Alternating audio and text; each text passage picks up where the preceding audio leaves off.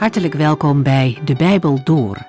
Dit is een programma van Transworld Radio. U kunt ons ook vinden op internet www.transworldradio.nl. De Bijbel Door is een radioserie die in vijf jaar tijd door de hele Bijbel gaat. Van Genesis tot Openbaring, van kaft tot kaft.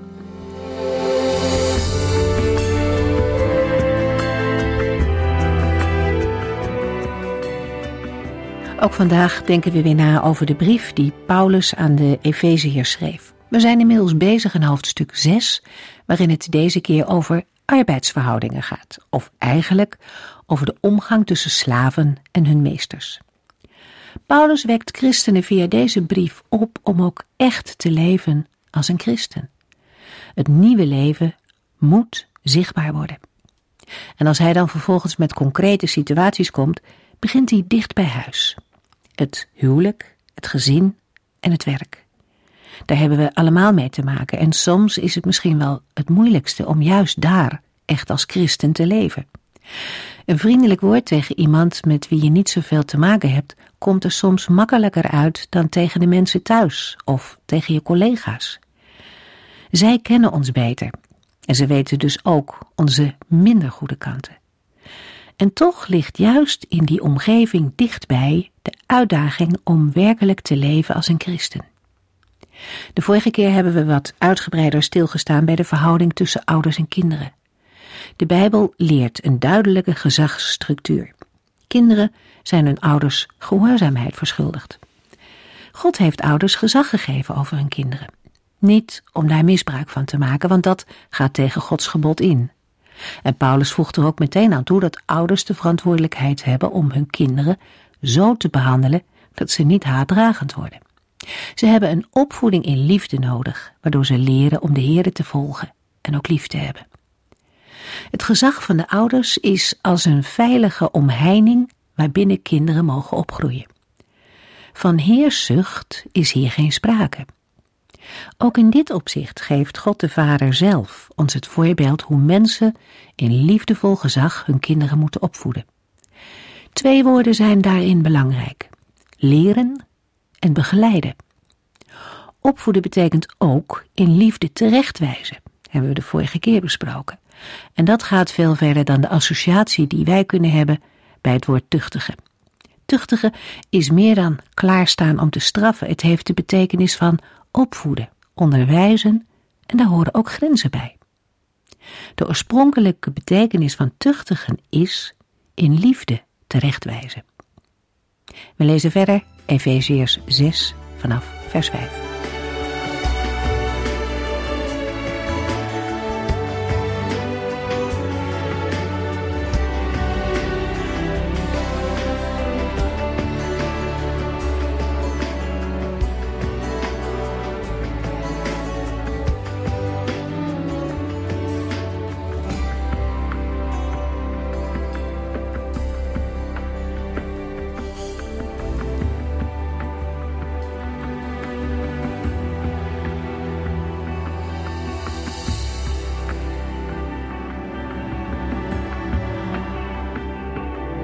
In de vorige uitzending hebben we al kort stilgestaan bij de uitspraak van Paulus over slaven die hun meesters moeten gehoorzamen. Ook in de brief aan de Colossense schrijft de apostel: Slaven moeten hun meesters altijd gehoorzamen. Probeer het hun niet alleen naar de zin te maken als zij op u letten, maar voortdurend met een bereidwillige houding en ontzag voor God. Wat u ook doet, doe het van harte alsof het voor de Heer is en niet voor mensen.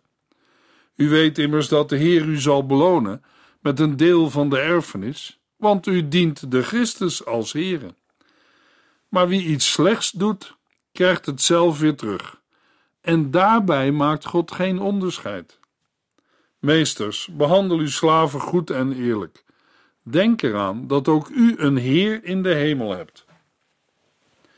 Paulus belicht de verhouding tussen slaven en hun meester vanuit de absolute heerschappij van Christus. Dat slaven hun aardse meesters moeten gehoorzamen met eerbied en ontzag, is een indirecte verwijzing naar de enige werkelijke Heer en Meester, Jezus Christus. Ook de apostel Petrus schrijft over deze dingen in 1 Petrus 2, vers 18 en 19. Knechten, heb ontzag voor uw meester en doe wat hij zegt. Niet alleen als hij goed en redelijk is, maar ook als hij lastig is. Een gelovige mag blij zijn als hij ten onrechte een slechte behandeling moet ondergaan, omdat hij voor God een zuiver geweten wil houden.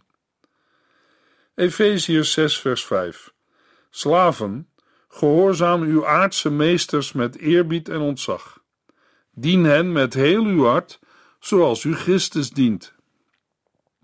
Slaven mogen het dienen van hun meester opvatten als een dienen van Christus. Efeziërs 6, vers 6. Werk niet alleen goed als uw meester toekijkt, maar ook als hij u alleen laat. Ook vers 6 vertoont sterke overeenkomsten met Colossense 3, vers 22 en 23. Voor de woorden als uw meester toekijkt, staat in het Grieks de woorden niet met ogendienst. Het houdt in dat de slaven hun gedrag zouden kunnen laten bepalen door het feit dat hun meesters hen wel of niet zien. Op die manier zouden ze mensenbehagers worden. Het behagen van mensen heeft bij Paulus meestal een negatieve klank. Het kan voor ons misschien het beste met vleien worden weergegeven. Alle gelovigen, of ze nu slaaf zijn of vrij, zijn slaven van Christus omdat ze met het bloed van Jezus Christus zijn gekocht en het eigendom van de Here zijn geworden. Efeziërs 6, vers 7. Doe uw werk als een dienaar van Christus, die van ganse harte wil doen wat God vraagt. Van ganse harte houdt in dat slaven die christen zijn geworden, hun werk doen met de juiste instelling, zodat hun meester hen niet behoeft te dwingen of te dreigen. Dat is alleen mogelijk als de slaven hun werk doen als een dienaar van Christus. Uit vers 7 wordt uit de vermaning voor de slaven duidelijk dat er voor gelovigen geen wezenlijk onderscheid gemaakt kan worden tussen wereldse en geestelijke werkzaamheden. Alles wat een gelovige doet, hoort gekenmerkt te worden door het feit dat hij of zij het eigendom is van de Heer. In 1 Petrus 4, vers 10 en 11 lezen we over hetzelfde onderwerp. Ieder heeft gaven gekregen. Gebruik die om elkaar te dienen, want zo geeft u de rijkdom van Gods genade aan elkaar door. Wie in de gemeente spreekt, moet dat doen alsof God door hem spreekt. Wie praktisch werk doet, moet dat doen door de kracht die God geeft. Als dat het geval is, zal God geëerd worden door Jezus Christus voor hem is alle eer en macht voor altijd en eeuwig.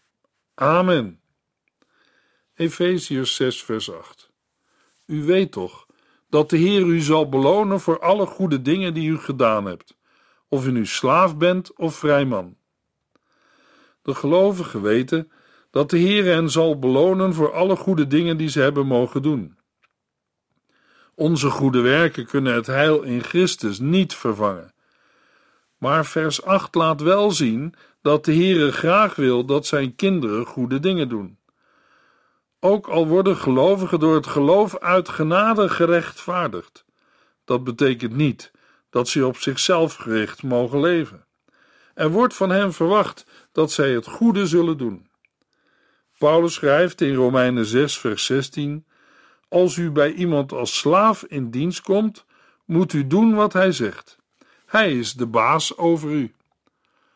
Of de zonde is uw meester, met het gevolg dat u de dood tegemoet gaat, of God is uw meester, met het gevolg dat u vrijgesproken wordt. En vers 23 vult aan: de zonde betaalt een hard loon, de dood. Maar de genade van God geeft wat niemand verdient: eeuwig leven met Christus Jezus, onze Heer. Voor christenen wat voor positie zij ook hebben, is het één van tweeën. Of ze dienen de Here of de zonde. Een andere mogelijkheid is er niet. Daarom heeft Paulus in vers 7 ook opgeroepen om het werk te doen als een dienaar van Christus, ook als je een slaaf bent.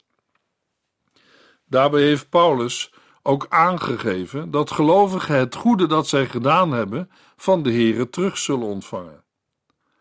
In eerste instantie was dit vers nog bedoeld voor de slaven. Maar Paulus voegt in vers 8 toe: of u nu slaaf bent of vrij man. Ook voor de meesters geldt dezelfde regel. De woorden van de apostel Paulus laten zien dat het christelijk geloof nooit heeft aangezet tot een revolutie om de kwade praktijk van de slavernij aan de kaak te stellen. In wezen ging de verkondiging van het evangelie een revolutie ver te boven. Bij een revolutie vallen er altijd slachtoffers. Maar de verkondiging van het evangelie aan de slaven in het Romeinse Rijk heeft ervoor gezorgd dat zij hun meesters beter gingen dienen dan voor hun bekering. Voor hen was het dienen van hun meester het dienen van Christus. Het evangelie van Christus breekt barrières en tussenmuren af. In onze tijd kunnen zulke barrières vooroordelen en discriminatie van bepaalde groepen mensen zijn. In de gemeente van Christus kunnen zulke zaken niet bestaan. Paulus schrijft in Efeziërs 2, vers 16: Nu wij tot hetzelfde lichaam behoren, is de vijandschap verdwenen. Want wij zijn allebei met God verzoend. Door het kruis is er een einde aan de tegenstelling gekomen. Deze woorden heeft de apostel in eerste instantie geschreven voor Joden en niet-Joden. Maar de strekking van zijn woorden is voor alle volken en natieën. Daar waar de liefde van Christus is, kan geen sprake zijn van discriminatie en rassenongelijkheid. Daar wordt alles bepaald door de onderlinge liefde tussen broeders en zusters in Christus. Helaas hebben plaatselijke kerken en gemeenten op dit gebied steken laten vallen. In een aantal gevallen heeft het geleid tot verwijdering, afsplitsing en scheuring. Gelovigen hebben pijn en verdriet geleden omdat ze elkaar niet meer begrepen en het niet tot een verzoening is gekomen. De kerkgeschiedenis heeft laten zien dat breuklijnen in kerken en gemeenten hele families en gezinnen van elkaar heeft losgemaakt en vervreemd. Het meest verdrietige van deze dingen is geweest dat mensen losraakten van de Here. Ruzie of oneenigheid in een christelijke kerk of gemeente, die tot gevolg heeft dat mensen niets meer met God, het geloof en de kerk te maken willen hebben, is een diep tragisch verloop van iets wat niet van de Here komt. Het is het tegenovergestelde van wat Paulus in Efeziërs 5, vers 21 zegt. Onderwerp u aan elkaar uit ontzag voor Christus. Natuurlijk staat het daar in een bepaald verband, maar dat wil niet zeggen dat het daartoe te beperken is. Bijvoorbeeld alleen voor echtparen, kinderen in het gezin of voor slaven en hun meester. Luisteraar, als u door soortgelijke zaken van de kerk en het geloof in Christus bent weggeraakt, dan is de Heere door dit programma weer op zoek naar u of jou. Mogelijk dat u een punt hebt gezet achter de dingen van de Heere, maar de Heere heeft dat niet. In 2 Petrus 3 vers 8 en 9 schrijft de apostel Petrus: Vrienden, u moet niet vergeten dat voor de Heere één dag als duizend jaar is en duizend jaar als één dag. Sommigen denken dat hij treuzelt met de vervulling van zijn belofte, maar dat is niet zo. Hij wacht alleen met het vervullen van zijn belofte, omdat hij zoveel geduld heeft. En waarom heeft de Heere zoveel geduld? Hij wil niet dat er iemand verloren gaat, maar dat alle mensen tot bekering komen. De Heer laat de profeet Ezekiel tegen het volk Israël zeggen, in Ezekiel 33 vers 11, Zeg hun, zo waar ik leef, zegt de oppermachtige Heere, de dood van de goddeloze doet mij geen genoegen. Integendeel, ik wil graag dat de goddeloze zijn zonde de rug toekeert en in leven blijft. Bekeer u van uw goddeloosheid, want waarom zou u sterven, Israël? Nu kan iemand vragen: is dat wel voor mij? Het zijn woorden van de Heer aan Israël. Dat klopt. Maar dat wil niet zeggen dat de Heere vandaag veranderd is. Ook vandaag wil de Heere dat de goddeloze zijn zonde de rug toekeert en in leven blijft. Laten we nog even verder lezen in Ezekiel 33, vers 12 tot en met 20.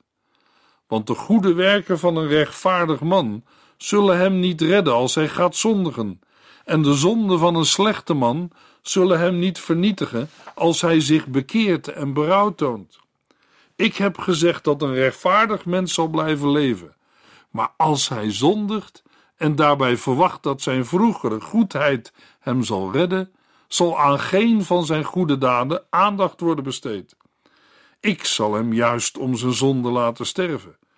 En als ik een goddeloze waarschuw dat hij zal sterven en hij bekeert zich dan van zijn zonde en doet wat goed en rechtvaardig is, als hij het onderpand teruggeeft aan degene die van hem heeft geleend, het gestolene teruggeeft en een eerlijke weg bewandelt zonder te zondigen, dan zal hij zeker leven.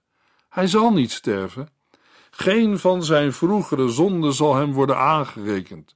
Omdat hij zich heeft bekeerd tot het goede, zal hij in leven blijven.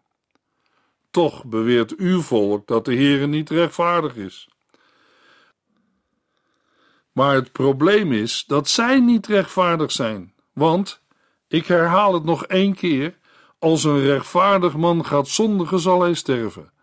Maar als de goddeloze zich bekeert van zijn goddeloosheid en goed en rechtvaardig gaat handelen, zal hij leven.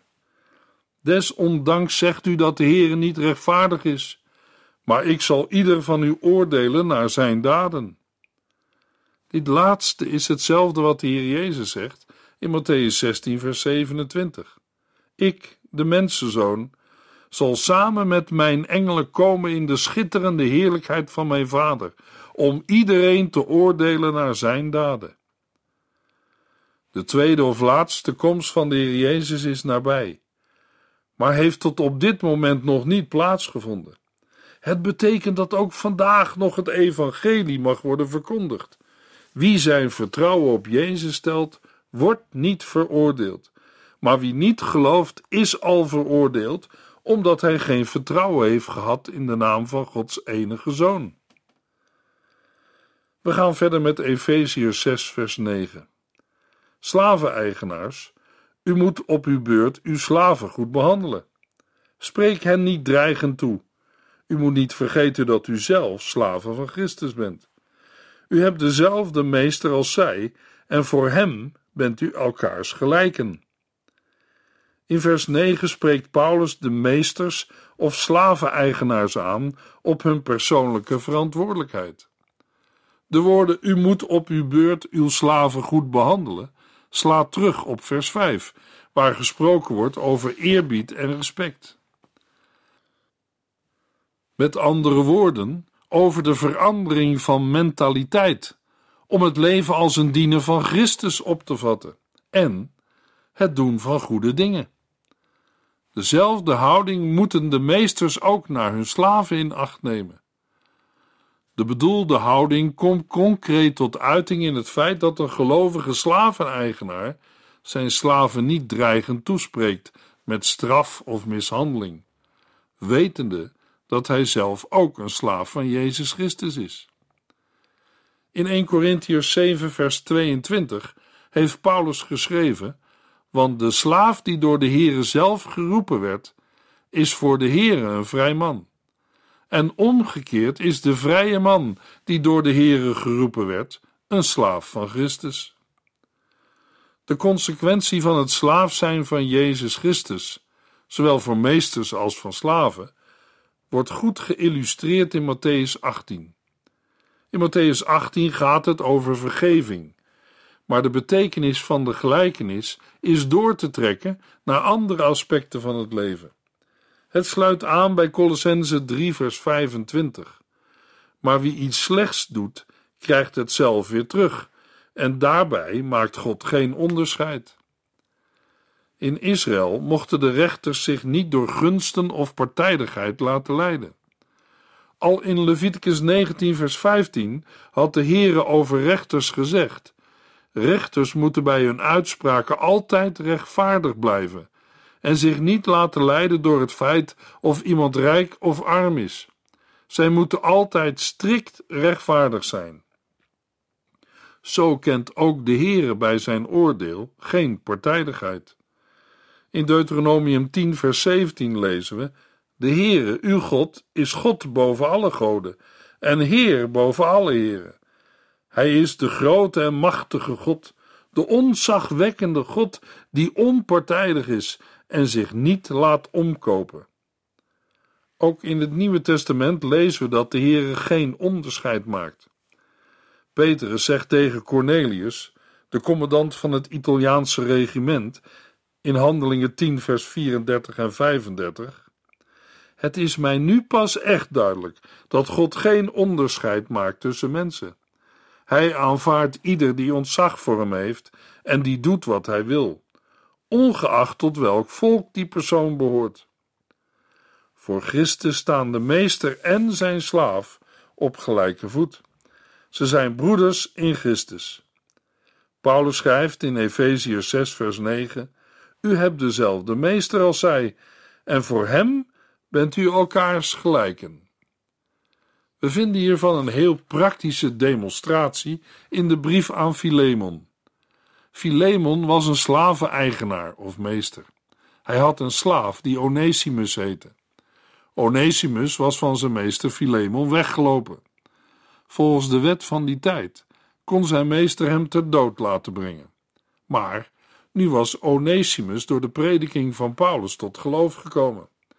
Nadat Onesimus zijn vertrouwen op Christus had gesteld, stuurde Paulus hem met een brief terug naar zijn meester Philemon. De brief vormt het Bijbelboek Philemon in onze Bijbel. We lezen een stukje uit de brief die Paulus aan Philemon schreef. Misschien kunt u het zo bekijken. U bent hem een tijdje kwijt geweest, maar nu kan hij voor altijd van u zijn. Niet alleen als uw slaaf, maar ook als uw geliefde broeder, die een speciaal plekje in mijn hart heeft. Is dat niet veel beter? Hij zal nu veel meer voor u betekenen, omdat hij niet alleen uw slaaf, maar ook uw broeder in Christus is. Efeziërs 6, vers 10. Ten slotte nog dit. Word sterk door één met de Here te zijn en zijn grote kracht in u te laten werken. Met het tenslotte nog dit gaat Paulus over tot het laatste onderwerp van zijn brief, namelijk de strijd die de gelovigen moeten voeren tegen de heersers en machten in de hemelsferen. Aangezien Christus boven deze machten is geplaatst, zullen de gelovigen die in de Here zijn en die met hem zijn geplaatst in de hemel niet bang hoeven te zijn. Op aarde oefenen deze heersers en machten nog invloed uit op de ongelovigen. In Efeziërs 2 vers 2 schreef Paulus: U liep met de grote massa van deze wereld mee en deed dezelfde dingen als zij. U gehoorzaamde de duivel, de leider en vorst van de geestelijke machten in de lucht, die nu nog actief is in de mensen die God ongehoorzaam zijn. Deze geestelijke machten in de lucht zullen ook proberen de gelovigen te verleiden, zodra hun geloofsverbondenheid met Christus verslapt. Petrus waarschuwt in 1 Petrus 5 vers 8. U moet op uw hoede zijn voor de grote tegenstander, de duivel. Hij gaat rond als een brullende leeuw, op zoek naar een prooi om te verslinden. Sla zijn aanvallen af door vast op de Here te vertrouwen. In 2 Korintiërs 11 vers 14 lezen we: Satan zelf kan zich voordoen als een engel van het licht. Het is dan ook geen wonder dat zijn handlangers zich voordoen als oprechte dienaren van God. Met deze informatie mag de oproep van de apostel Paulus duidelijk zijn. Word sterk door één met de Here te zijn en zijn grote kracht in u te laten werken. Gelovigen moeten sterk blijven in de Here. Een oproep die vaker klinkt in het Nieuwe Testament. In de laatste richtlijnen aan de gelovigen in 1 Corinthiërs 16 schrijft Paulus in vers 13 en 14: Wees op uw hoede. Houd stand in het geloof. Wees moedig en sterk. Wat u ook doet, Doe het uit liefde. De gebiedende wijs geeft aan dat het om een blijvende opdracht gaat. Maar hoe kan een gelovige sterk zijn? Paulus geeft erop antwoord aan zijn jonge medewerker Timotheus in 2 Timotheus 2, vers 1 tot en met 4. Mijn zoon, wees sterk door de genade die Christus Jezus u geeft. Want je moet aan de anderen doorgeven wat ik jou en vele anderen geleerd heb. Leer deze grote waarheden aan betrouwbare mannen, die ze op hun beurt weer aan anderen kunnen doorgeven. Neem als een goed soldaat van Jezus Christus je deel van het lijden op je, net als ik. Laat je als soldaat van Christus niet in beslag nemen door de zorgen van het leven, want dan zal degene die je in dienst heeft genomen niet tevreden over je zijn. Paulus benadrukt de eenheid met de Here met de woorden: Word sterk door één met de Here te zijn. De gelovigen zijn al één met de Here. Ze hebben al deel aan de kracht, waardoor ook Christus uit de dood werd opgewekt. Nu moeten zij hun kracht blijven zoeken in de gemeenschap met de Here en zijn grote kracht in hen laten werken. Immers, dat was ook het gebed dat Paulus voor de gelovigen in Efeze heeft gebeden. In Efeziërs 1, vers 19 tot en met 21 schrijft hij: Ik bid dat u zult beseffen hoe ontzaglijk groot de kracht is die werkzaam is in ons die in Hem geloven. Door diezelfde grote kracht is Christus uit de dood teruggekomen om de belangrijkste plaats naast God in te nemen. Nu is Hij hoog verheven boven elk gezag, elke macht, kracht en regering. Deze kracht wordt door de gelovigen ervaren door de inwoning van de Heilige Geest. Het begrip zijn grote kracht in u laten werken of zich sterken in de Here vinden we al in het Oude Testament. We lezen het in 1 Samuel 30 vers 6 van David, uitgedrukt met de woorden: David bleef echter op God vertrouwen. In Zacharia 10 vers 12 belooft de Heere dat hij zijn volk sterk zal maken met zijn kracht. In de volgende uitzending lezen we Efeziër 6, vers 10 tot en met 12.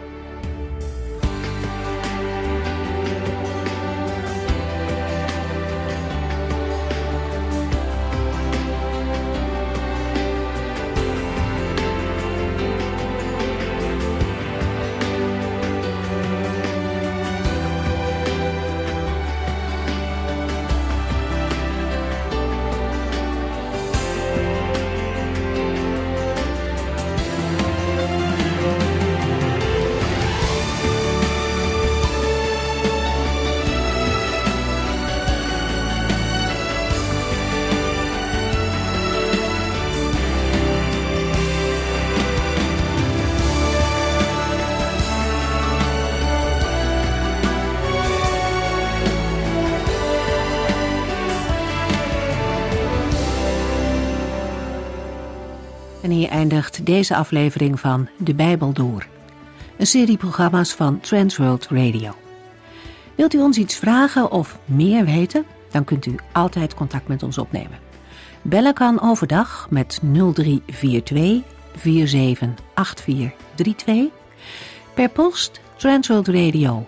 Postbus 371. Postcode 3770. Anton Johannes in Barneveld. En e-mailen kan ook. De Bijbel door at transworldradio.nl En natuurlijk ook via onze website transworldradio.nl Dit programma werd gepresenteerd door Cor Weda en Ike André. En namens iedereen die er nog meer aan meegewerkt heeft, graag tot de volgende keer.